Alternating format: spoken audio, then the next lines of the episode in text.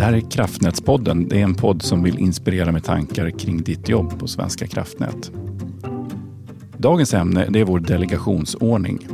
Många medarbetare känner ju säkert till vad det är, men i det här avsnittet ska vi titta lite närmare på vad den faktiskt är för något och hur den påverkar vårt jobb. Och vi ska också försöka göra det här ämnet delegationsordning väldigt lättsamt och intressant.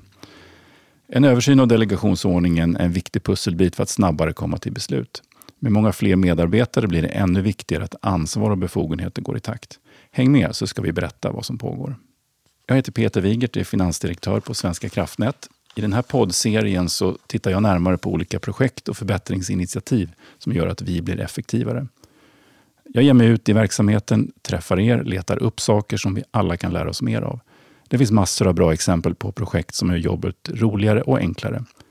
I den här podden fångar vi upp våra kollegors bästa lösningar så att fler kan inspireras av dem.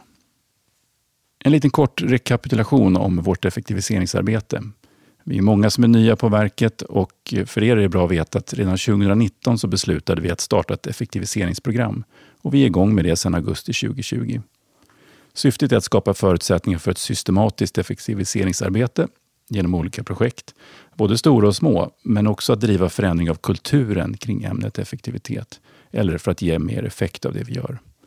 Och vi driver effektivisering som en del av att klara av vårt uppdrag, utöver att vi som myndighet alltid ska vara varsamma med statens medel. Att jobba effektivare innebär att vi kan hinna med mer, men utan att jobba snabbare, utan snarare smartare. Dagens ämne handlar om den översyn som pågår av vår delegationsordning. Det är viktigt att ansvar och befogenheter möts för att få ett snabbare beslutsfattande. Och med mig för att dyka djupare i det här ämnet har jag Johan Stolpe. Din titel är Compliance Officer. Välkommen. Tack för det. Vi måste börja med att förklara compliance officer. Finns det något bra svenskt begrepp? Alltså regelefterlevnadsansvarig mm. skulle man nog ta. Mm. Compliance officer brukar användas lite mer i finansiella sammanhang. Men i det här sammanhanget, och mitt område är compliance officer för den statliga värdegrunden. Alltså det regelverk som styr egentligen och reglerar i grunden hur man ska agera som statlig myndighet och som tjänsteman. Mm. Så du ser till att vi jobbar med, med statens värdegrund som bas i alla delar? Ja, och eh, jag bidrar till det. Mm. Eh, mm. Att säkerställa att vi gör det i alla delar är förstås svårt att ja. ha som ambition. Men eh, att bidra till det, följa upp, eh, utbilda om det. Så. Mm. Du har ju varit på Svenska kraftnät inte så länge. Inte så länge. Jag började i augusti förra året, så sex månader. Mm. Hjärtligt välkommen till Tack. oss. Jo, delegationsordningen. Eh, vi har en sån. Berätta, varför har vi den och vad innebär den? En delegationsordning är det dokumentet där GD delegerar beslutande rätt vidare ut i organisationen och nedåt. För i grunden är det ju så att det är GD som har beslutande rätten på myndigheten. Förutom den beslutande rätt som kan finnas ännu högre då, hos mm. styrelsen. Mm. Men förstås, för att få en effektiv verksamhet så behöver GD delegera vidare beslutande rätt. Och det är det det handlar om, det här dokumentet. Mm. Vad innebär den för Svenska kraftnät i mer detalj? Då? Ja, men det, det innebär ju att det preciseras där vilka befattningshavare som får fatta vilka beslut. Mm. Eh, och den är uppdelad på en massa olika områden. Personalfrågor, ansökningar, säkerhetsfrågor och så vidare. Så för varje sånt här område anges det eh, på vilken nivå beslutet får fattas. Mm. Om det får vidare delegeras och så också. Kan alla medarbetare hitta sig själva där i den delegationsordningen? Nej, det skulle man inte säga. Det här handlar ju om främst linjechefer eh, och vissa andra befattningshavare som har beslutanderätten. Så att eh, alla medarbetare kommer inte att synas där. Men alla borde väl känna till den? Det tycker jag. Det, så det, det, är ett grundläggande dokument och man behöver förstås som medarbetare vara medveten om i vad mån man får fatta beslut, mm. formella beslut för Svenska kraftnät eller inte. Så att en övergripande information och kunskap om att vad det här dokumentet är för någonting, vad det innehåller, det bör alla medarbetare ha. Mm. Och nu, som jag inledde med, så pågår ett arbete med att göra en översyn av delegationsordningen. Eh, vad innebär översynen och, och varför gör vi den just nu? Ja, den, den innebär eh, det är egentligen en tvåstegsprocess det här. Eh, vi har tidigare haft en delegationsordning som både har beskrivit myndighetens organisation och vilket ansvar som finns för olika roller och sådär. Förutom att den också innehållit beslutandeordningen, om man säger så. Eh, det här har vi gjort i en tvåstegsprocess nu, där vi i steg ett har delat upp den gamla delegationsordningen i två dokument. Ett som beskriver organisationsstrukturen. Det har blivit en riktlinje. Eh, och sen den nya då, delegationsordningen som är en renodlad delegering av beslutanderätt. Och det görs ju nu då. Eh, det här sattes ju igång innan jag kom in här. Men eh, den alltså bakomliggande tanken är ju här att förtydliga det här och se till att verksamheten blir mer effektivt bedriven. Och kan, kan du fördjupa det där med hur vi får ut mer effektivitet av en sån här förändring? Jo, för det här handlar ju om att alltså delegationsordningen som jag har förstått det, den är ju präglad av hur organisationen var tidigare, när vi var också mycket färre medarbetare. Eh, nu är, är, har det skett en omorganisation, vi har divisioner och vi växer nu behöver vi se till att beslut fattas på rätt nivå. Eh, så att inte för många beslut behöver lyftas för högt utan kan fattas ut i linjen där så att säga, det bidrar till bäst effektivitet för, för genomförandet av verksamheten. Organisationsförändring och att vi växer, vad innebär det för delegationsordningen? Eh, det bör nog innebära att beslutanderätter ska alltså flyttas neråt i organisationen eh, och att beloppsgränser ska höjas eh, så att inte så mycket beslut behöver lyftas uppåt. Mm. Vi behöver kunna bli effektivare helt enkelt. Mm. Det låter bra. Om man kan koppla delegationsordningen till det som i staten kallas tillitsbaserad styrning, hur hänger det ihop? Mm. Och då skulle jag säga nog att delegationsorganisationen som den är nu, den är ganska konventionellt utformad. Det vill säga inte särskilt tillitsbaserad utformad. Tillit, eh, i det ligger ju att man så att säga låter folk som man har förtroende för fatta de beslut som man bedömer att de kan göra. Eh, det är klart att bara genom att delegera någonting så ligger ju någon sorts tillit i att ja, men jag tror att den här personen som är delegerad kommer att kunna klara av det här. Men som det är nu så är delegationsordningen alltså ganska konventionell egentligen. Den preciserar tydligt vem som får fatta precis vad. Men jag gissar att de önskemål som kommer in nu när vi eh, remitterar delegationsordningen och vill förändra den, de kommer att eh, innebära en mycket mer utflyttad beslutanderätt. Så på så sätt blir det förhoppningsvis en ökad tillit. Men det beror ju också på lite grann vad ledningen till slut vill besluta om. För det är ju Lotta, GD, som beslutar om det här. Och ytterst är det Lottas eh, idé om hur långt vi ska delegera som, som det handlar precis, om. Precis. Finns det en optimal plats att ta ett beslut på? Ja, alltså det är väl kanske svårt att precisera, men jag tänker mig att så nära eh, så att säga, kärnverksamheten, så nära frågorna som möjligt. Eh, där man fortfarande kan ha liksom en, ett helikopterperspektiv, men, men känna till frågorna väl. Det gissar jag är rätt så optimalt. Mm. Men när man sen har delegerat, då, då ska man väl också som chef följa upp? Då ska man som chef följa upp och det ingår i vidare delegationsregleringen. så att säga.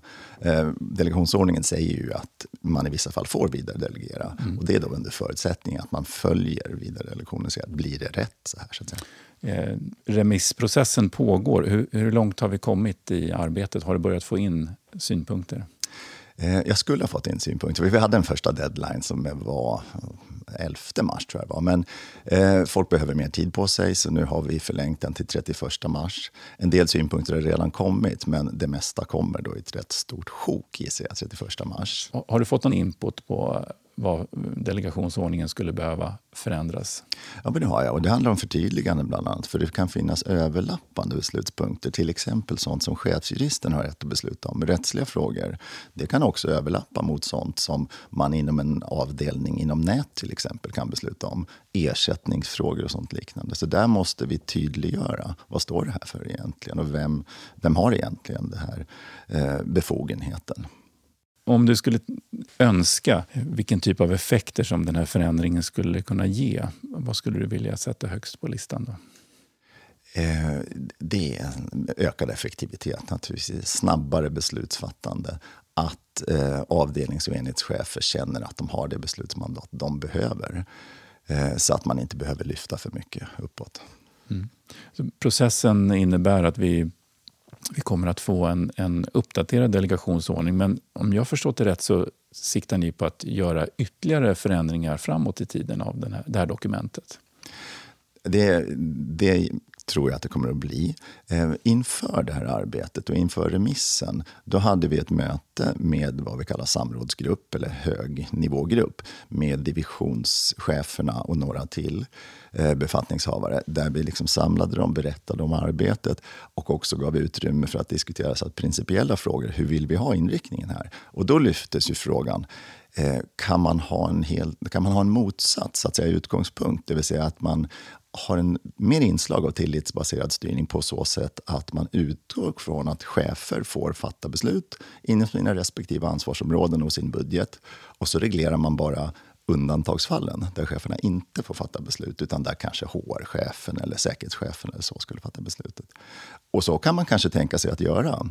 Eh, jag vet inte om det blir jättestor skillnad eh, till slut, för man, det kanske är många undantagsfall, men det blir en annan inriktning. Men det är i så fall ledningen som får avgöra att man vill ha den sortens utgångspunkt. Vi fortsätter, i den, vi fortsätter i alla fall i den här linjen vi gör nu. Det gör vi för att få det här klart så fort det går, så att vi liksom får ut effektivitet hyfsat snart. Och jag vet att det finns ett stort sug efter att få ner beslut på rätt nivå i organisationen. Jag, jag, tycker att det låter som en utmärkt väg framåt. Och jag lovar att själv svara på remissen. Härligt. Och när, när delegationsordningen är färdig och beslutad, när sker det? Som det ser ut nu så tror jag att det är första juni som gäller. Tidigare var första maj som var riktpunkten, men vi fick ju utökad deadline här för remissynpunkter. Vad är dina förväntningar på chefer och medarbetare i organisationen när det här beslutet är taget? Vad, vad tycker du att vi ska göra? Då är det viktigt att komma ut med att beslutet är fattat. Sen tror jag inte att det är en väldigt lång genomförandefas. För jag tror många står och trampar och egentligen vill ha utökad delegation. Så att man kommer nog ganska snabbt att fånga upp att bra, nu är det klart, nu kan vi fatta de här besluten.